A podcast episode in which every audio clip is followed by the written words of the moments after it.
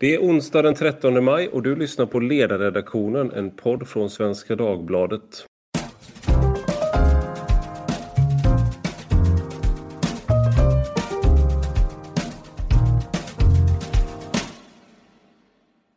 Jag heter Ivar Arpi och i dagens tidning skriver jag vår huvudledare på temat Hur många måste dö innan vi är flockimmuna? En som har diskuterat det här mycket i medierna den senaste tiden när vi kommer uppnå flockimmunitet, hur många dödsfall vi kan vänta oss är Tom Britton. Välkommen! Tack så mycket! Och du har ju varit, blivit ganska känd eh, för allmänheten också för att du har varit med i Aktuellt och i många nyhetsprogram och medier. Ehm, för du är till vardags professor i matematik vid Stockholms universitet och har forskat länge på smittskyddsmodeller om jag förstått det rätt. Ja, smittsprid smittspridningsmodeller, ja det stämmer. Ja, smittspridningsmodeller, ja just det. Eh, och en sak som du, vi kan gå direkt på är eh, hur många som eh, kommer att dö helt enkelt innan vi blir flockimmuna.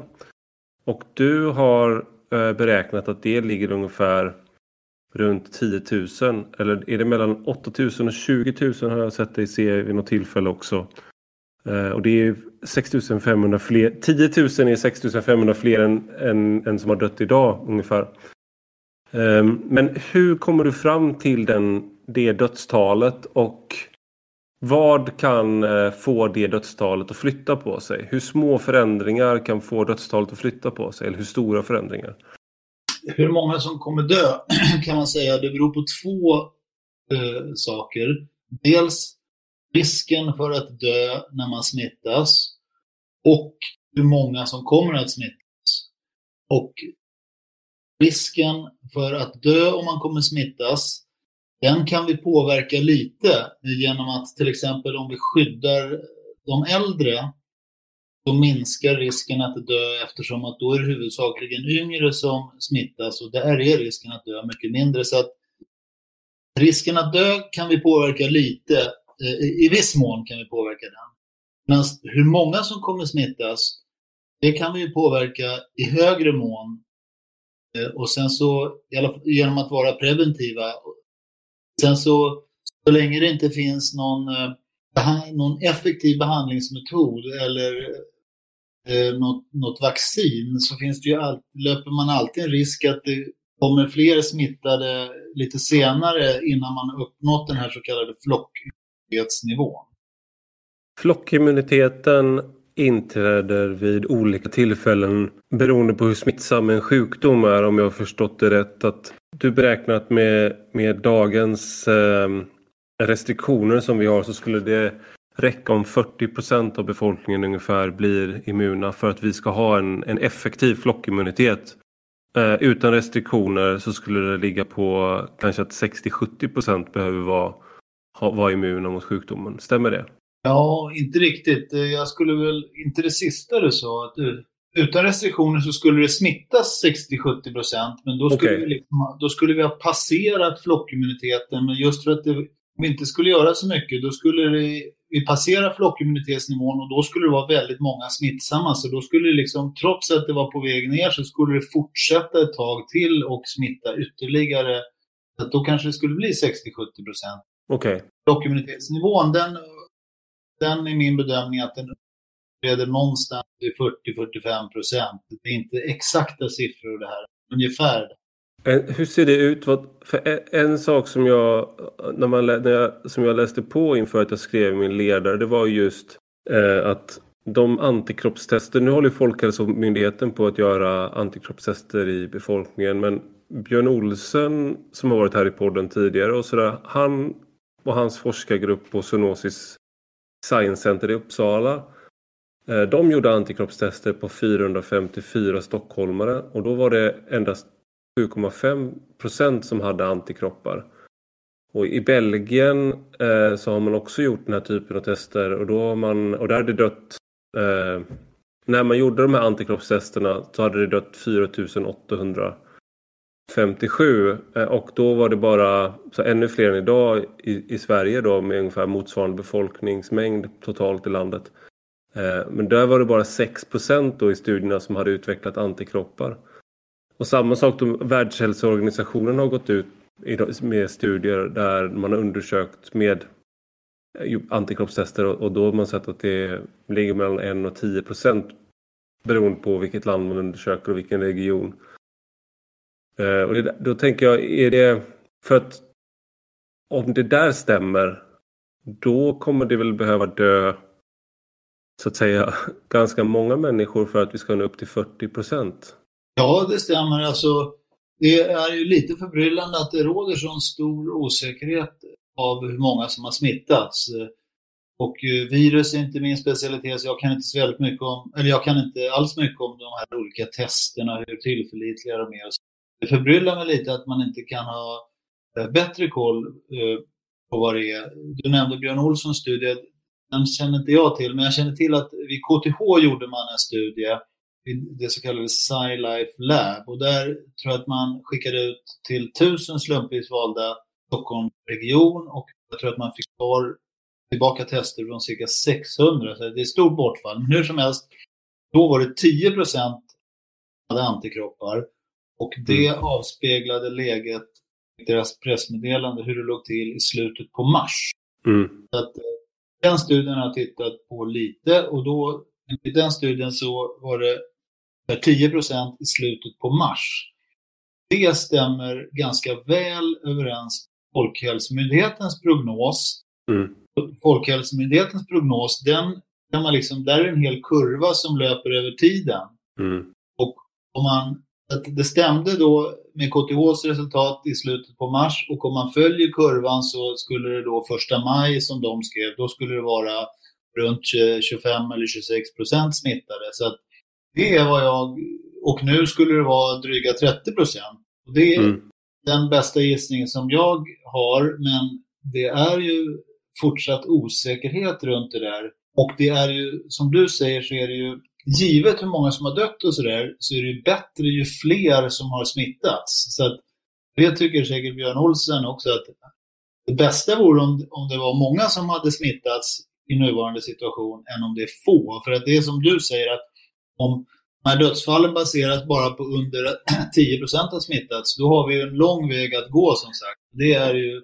Ja. Ja, alltså om det visar sig att eh, det är under 10 procent i Stockholm som är smittade idag, då är det väldigt eh, tråkiga nyheter för då har vi, som du antyder, en väldigt lång väg kvar att gå innan vi närmar oss flockimmunitet och då kommer det krävas allt för många dödsfall. Så då tror jag att Sverige bör ändra sin policy. Om så. Men jag hoppas att det inte är så.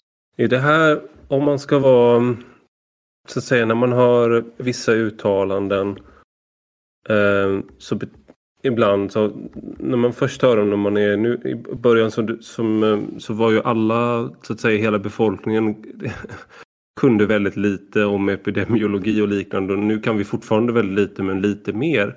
Och då när man hörde att nästan alla kommer få den här sjukdomen men det kommer dö ganska få. Det är ju, då lät det ganska läskigt men att så många kommer få sjukdomen. Men det är nästan läskigare att tänka sig att det är väldigt, som du säger då, att det är få som får sjukdomen och att det vi ser nu är inte toppen av ett isberg. Det vill säga, de flesta går inte alls runt och har milda symptom eller är asymptomatiska. Och det är det här som jag tycker är då eh, väldigt svårt att veta eh, hur det faktiskt ligger till. Det, och jag tycker det är väldigt svårt att hitta, få bra svar på vad som, vad som stämmer här. Eh, olika myndigheter, alltså olika länder säger olika saker, olika experter säger olika saker. Jag är ju inte expert på att kunna avgöra hur många som har varit smittade och, vissa, vilka som är, om det är många symptomatiska eller inte. Men jag läser lite i litteraturen och deltar till exempel vecka i en webbworkshop i Cambridge eh, men där eh, dödligheten som jag tittar på, vad är de vanliga skattningarna för dödligheten? Då ligger den mellan 0,2 till 0,6 procent. Tidigare så fanns det lite högre men det är många olika grupper som har gjort det här så att, att den skulle vara väsentligt högre än så, det bedömer jag som väldigt osannolikt. Men helt eh, säker kan man inte vara. Att jag tror att det finns en hel del asymptomatiskt där jag är inte specialist på det, får man fråga någon virolog. Och jag vet heller inte, man har haft det väldigt, eh, jag har hört eh, några medicinmänniskor prata om, om man har haft ett väldigt milt symptom eller varit asymptomatiskt, då kanske man har lite färre antikroppar eh, och då kanske det inte ger utslag i de här testerna. Jag har hört någon teori om hur mycket medicin för att avgöra om det är en rimlig teori. Det där är ju ett problem, alltså det där är ju hur bra de här testerna är, är ju verkligen en, en springande punkt för det bygger det ju på att att vi faktiskt får reda på att folk om de är immuna eller inte i de här testerna. Eh, eller att det, det, är det ena och sen det andra om, de, om det är så att man kan vara sjuk utan att utveckla immunitet. Då förändrar ju också sitt, liksom bedömningen på jag vet inte, hur, man, hur förändrar det så att säga dina beräkningar när du modellerar det här? Är det något värde du kan stoppa in i dina modeller så att du får fram en annan, eh, annat scenario så att säga? Ja, det, det vet jag inte. Men om jag har förstått det hela rätt så finns det olika testförfaranden och den här KTH-gruppen och jag gissar att det, även gäller Björn Olsén. Där har de analyserat sina prover i laboratorier och om jag har förstått saken rätt, det är en ganska omfattande procedur som man inte kan göra i lika stor skala. Men eh, där eh, är kallade sensitiviteten och specificiteten väldigt hög. Sen finns det sådana här självtester och sådär och där har jag hört att det är, kvaliteten är väsentligt lägre. Så jag tror att de här testerna som görs i laboratorium, där tror jag att det är klart över 98 procent för bägge sorters fel man kan göra. De här som man, självtesterna, där är det ganska hög sensitivitet. Det betyder att om du står positivt så är det väldigt sällan det inte är positivt. Alltså, åt andra hållet, om du står negativt så är det fortfarande stor chans att man trots detta är eh, immun. Jag har hört siffror som 70% sensitivitet så att eh, av alla som är immuna så är det bara 70% som ger ett positivt utslag eller något sånt där. Och då förstår man ju att sådana tester eh, kan ju vålla problem då. De är inte helt, helt enkelt inte lika tillförlitliga. Jag kanske, inte svarade, jag kanske inte svarade på din fråga nu. Fred. Jag tror att du svarade på, på frågan, men alla de här, varje fråga öppnar upp nya frågor. Så att det, eh, men, men jag tänkte på en sak som Anders Tegnell sa när han, eh, han instämde i din beräkning om det här med att det behövs eh, 40 procent som är immuna i befolkningen. Men han sa också då att jag tror att vi måste vara försiktiga med vad vi menar med flockimmunitet. Det innebär inte att faran är över. Kan du förklara vad han menar med det?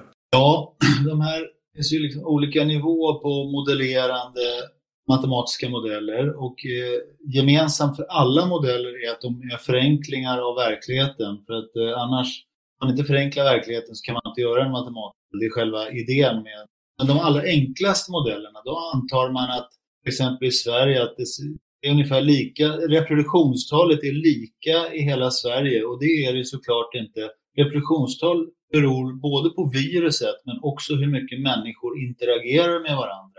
En storstad som Stockholm, Göteborg, Malmö, där träffar man ju fler människor Eh, framförallt eh, via kommunala färdmedel och så vidare stöter man ihop på mycket mer folk än man gör om man bor i en mindre ort eller på landsbygden. Så en grov förenkling att säga att, liksom, att det är reproduktionstal i landet. Och på samma sätt så tror jag att det är det som Anders eh, Nell menar att de här skattningarna ser det hur stor andel som har smittats i hela landet. Då kan det vara stora geografiska skillnader där och då kan det vara vissa delar av landet så är det en väldigt låg andel immunitet och då skulle det kunna betyda att där det eh, sker ett lokalt utbrott. Det är, och det är inte någon så knivskarp gräns. Det är helt enkelt så att ju mer immunitet som finns i landet, långsammare går smittspridningen. Vid en viss nivå av immunitet så stannar smittspridningen av, i alla fall på nationell nivå. Sen sker det utbrott här och där. Eh, om jag ska lägga till här nu, alla som inte är immuna löper ju risk att smittas av vilken sjukdom som helst. Vi är ju, jag är inte immun mot eh, ebola till exempel. Men så länge inte ebola sprids i Sverige så är jag inte det minsta rädd för det. Och eh, detsamma gäller ju covid, att när det är många som har viruset aktivt i kroppen, då finns det ju risk att vara rädd för att smittas. Smittspridningen om eller när smittspridningen går ner kraftigt, då finns det ju mycket mindre anledning av att vara rädd. Och om den i princip upphör i Sverige, ja då finns det ju försumbar anledning att vara rädd, även om man fortfarande inte är immun. Så att kan ju komma en turist inresande eller någon lastbilschaufför eller något sånt där och smittas. Men risken att smittas är ju proportionell mot hur många som bär på viruset. Jag tänker en sak som har att göra med din, din egen framtoning i medier är, har att göra med att jag, som jag upplever hela den här situationen så är det att man har väldigt behov av svar på ett sätt som jag inte riktigt har sett i andra sam stora samhällsfrågor. För där brukar det finnas kanske en värderings, tydligare värderingsdimension. Att man inte behöver förlita sig på experter i samma utsträckning. Men det jag tänker när, när till exempel eh, du nu är med i Aktuellt eller nu här i podden eller sådär eller uttalar en intervju. Och så gör du din beräkning på mellan 8 till 20 000 har jag sett dig säga ungefär det spannet i antal döda. Eh, e-, eller 12 000 tror jag det senaste du sa var. Om det nu visar sig att det blir mycket, mycket högre än så. Då har ju du, så att säga vetenskapligt har ju inte du gjort någonting fel för att det här är ju beräkningar som bygger på vad vi vet idag. Men en, finns det en risk att människor kommer känna sig svikna i så fall av dig? Ja, det gör det. Eh, när man ska prediktera väder och så, då finns det ju alltid ett mått av osäkerhet. Eh, när man ska prediktera hur smittspridningen sker, eller för den delen hur dödstalen sker, då finns samma osäkerhet, eh, eller samma, men då finns på motsvarande sätt så finns det osäkerhet där. Men till detta kan lägga att det finns en ytterligare osäkerhet, nämligen hur många som kommer dö respektive hur många som kommer smittas närmaste månaden. Det bestämmer vi själva genom vårt agerande. Jag sa, jag tror mig ha sagt det Aktuellt också, att om alla låser in sig på sina rum från och med den dagen jag stod i Aktuellt, då bedömde jag som att då skulle som mest 5000 smittas.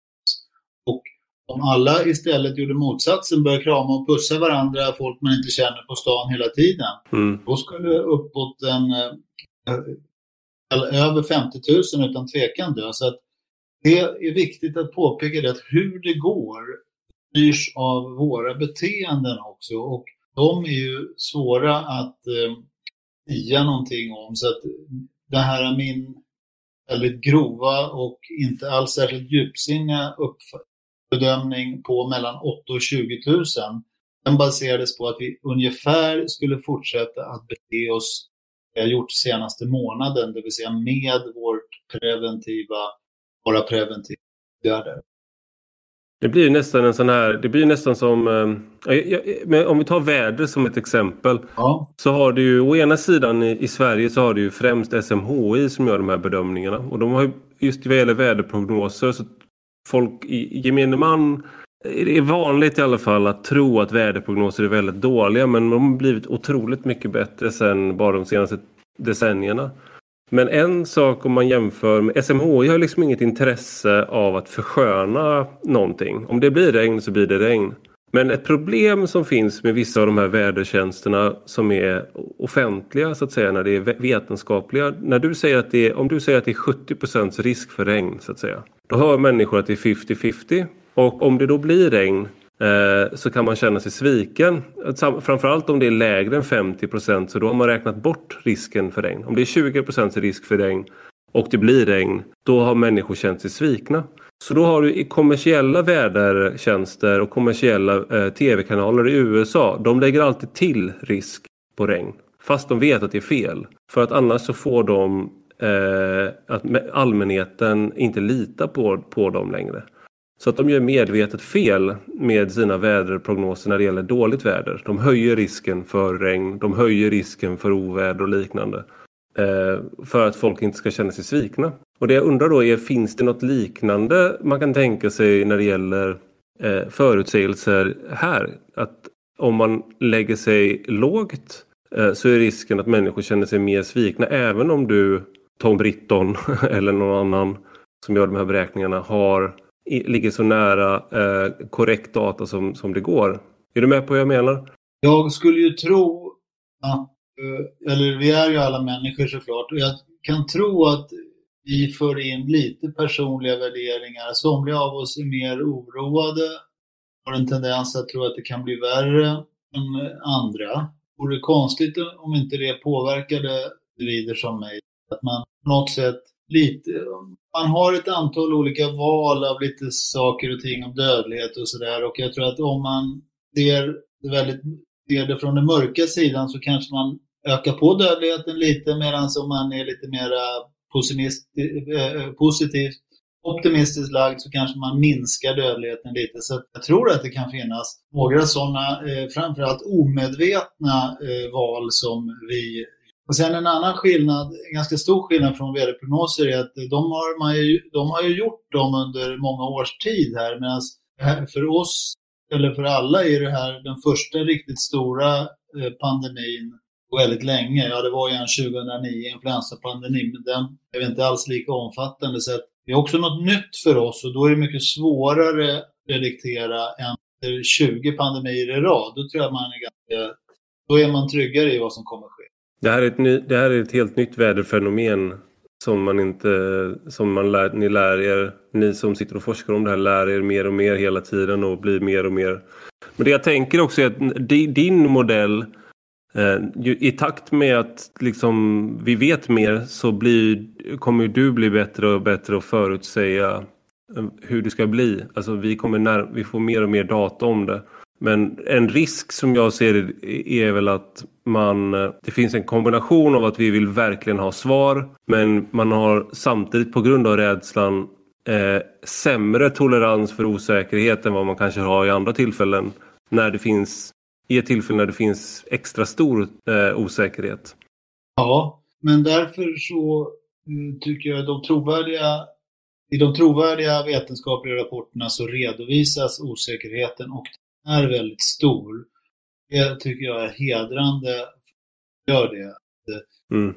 på att det här är min bästa gissning, men jag har stor osäkerhet runt det hela. Mm. Dessutom att man några veckor senare, när man har fått in mer information, man kan ändra sig lite, tycker jag inte heller är helt förvånande. Sen är det olyckligt om det blir jättestora ändringar. Då kan man ju kritisera personen, men eh, till exempel så var jag i Aktuellt även nu här i måndags. Mm. Då frågade de, ja du sa ju 8 till 20 000, vad skulle du säga? Det handlar om något annat, men då frågade de som sista fråga, vad skulle du säga nu? Mm. Jag var inte riktigt förberedd på den och jag har inte gjort några superbaserade beräkningar eller någonting. Men då sa jag, då skulle jag vara lite mindre pessimistisk och då skulle jag säga 6 till 14 000. Och förra mm. gången så sa för två veckor sedan så sa jag 8 till 20 000. Så att, eh, mm. Det har ändrats lite och det är två grejer. Dels så har man ju observerat att eh, dödstalen är på väg neråt plus att det, allt mer tyder på att den här flockimmunitetsnivån ligger lite lägre än vad man tidigare hade trott. Det, om det är så, vilket jag bedömer är fallet, då kommer ju färre att smittas och därmed dö också. Jag tänker att å, å ena sidan så kan man ju då tänka att varför är, eh, varför är du så varför håller du på att ändra det hela tiden? Å andra sidan så, så tror jag, jag hoppas att vi eh, eh, mognar i vår, eh, vår bedömning där och att man ser att revideringar om man har god grund, om man kan visa att man hade god grund för bedömningen för tre veckor sedan och sen att man har god grund för revideringen. Då är inte det en svaghet utan en styrka att det, det, värsta, det, värst, det värsta vore ju om man höll kvar vid någonting för att, det vore, för att man annars tappar ansiktet. Ja, jag håller med. Jag vet, Jan Albert var ju Aktuellt en gång, en gång för några veckor sedan och berättade att de hade gjort tester och kommit fram till, nu kommer jag faktiskt inte ihåg, men en viss procentsiffra. Och sen så när de, dagen efter så när de skulle göra det där så hade de insett att de hade blandat ihop lite tester och då, och då, då ringde han till Aktuellt och bad att få komma dit med mössan i handen och säga att de hade gjort fel. Och det tycker jag var väldigt hedrande att göra det. Att man liksom säger att jag hade blandat ihop saker och ting. Några, eller blandat ihop, de hade blandat ihop några, det fanns risk att några prover hade blandats ihop mm. med personer som hade covid. Nu kommer jag inte ihåg bakgrunden, men i alla fall han sa att, det jag sa igår tar jag tillbaka. Det, det gäller inte och det tycker jag en sån person i min värld ökat förtroende. Är inte det här ett problem eh, generellt med eh, coronadebatten Är att vi är så vana vid politiska diskussioner och då är det, finns det nästan alltid bara två lag. Och nu är det något liknande med den här frågan. Men den här frågan är väl otroligt illa lämpad för att vara för och emot. Eller pendla mellan två lägen. Att det, det, och då, och då, men vi använder samma logik i den här frågan. Ja, eh, jag tycker det är också viktigt att man liksom, det är mera pratar om nyanser, till exempel vilka preventiva åtgärder. Eh, jag tror ingen säger att vi skulle struntat i allting, men en fullständig lockdown. Liksom, det är en gråskala där. Kanske skulle vi öka lite restriktioner eller minska lite. Så att jag håller med dig, det är liksom inte ja eller nej, svart eller vitt. Jag tänkte bara sist men inte minst, vad, vad håller du koll, särskild koll på just nu i den här frågan? Dels blev jag klart med ett arbete här förra veckan som jag gjorde oerhört intensivt så att jag har behövt vila upp mig lite. Eh, det handlade om den här flockimmuniteten. Mm. Liksom matematiskt visat flockimmuniteten som uppstår när en sjukdom sprids, den är lägre än flockimmuniteten som uppstår när man vaccinerar. Och skälet till att den är lägre när den uppstår via att en sjukdom sprids, det beror på att när en sjukdom sprids så är det de som är mer utåtagerande som tenderar att smittas i högre grad. Det betyder att de som är inte smittade är då lite mindre sociala eller utåtagerande. Det gör att deras, de kvarvarandes reproduktionstal är helt enkelt lite mindre. Det är det som gör att den här flockimmunitetsnivån var lägre än vad man tidigare trott. Och det där har vi kommit fram till och helt oberoende av oss kom en grupp från Liverpool fram till eh, liknande resultat. Det är helt enkelt det olika grupper som smittar vid de två tillfällena. Det är, två, det är olika selektion på vilka det är som... Ja, när man vaccinerar, då vaccinerar man ju bara hux, eh, hipp som haver i befolkningen. Det är inte så att man vaccinerar de som är extra sociala eller något sånt. Man vaccinerar ju här. Medan när en smitta sprids, då är, löper man mycket större risk att smittas om man är en utåtagerande person. Alltså en person som rör sig väldigt lite ute, den kommer då troligtvis inte smittas. Så att de som är kvar efter att en smitta har spridits i befolkningen, de är lite mindre sociala, vilket gör att de som har smitt, de som har blivit immuna, det är de extra sociala och då behöver det bli lite mindre, färre sådana jämfört med breds likformigt befolkning. Så det var, det, det var vårt forskningsresultat som vi har jobbat på några veckor här nu. Men nu är det jag sitter och funderar på, inte eh, med i olika medier, vilket sker alldeles för ofta kanske, det är att se vad händer när storstadsbefolkning med högre immunitet åker till en landsort, lägre immunitet. Till exempel tänka sig eh, stockholmare när de är i Gotland i sommar. Det, kommer det då liksom art, eh, utbrott där? För just nu är det väldigt lite covid på Gotland. Så det är de oroliga för. Å andra sidan så är det högre immunitet bland stockholmarna och gotlänningarna. Så att, eh, jag försöka ta reda på om det finns risk för att det blir något större utbrott eller om den risken inte är så stor. Och med det så säger jag stort tack till dig Tom Britton. Tack för att du kunde vara med i vår podd idag. Tack så mycket. Och har ni frågor, ni som lyssnar, om dagens podd eller tips eller någonting så får ni gärna höra av er till ledarsidan svd.se. Tack för idag!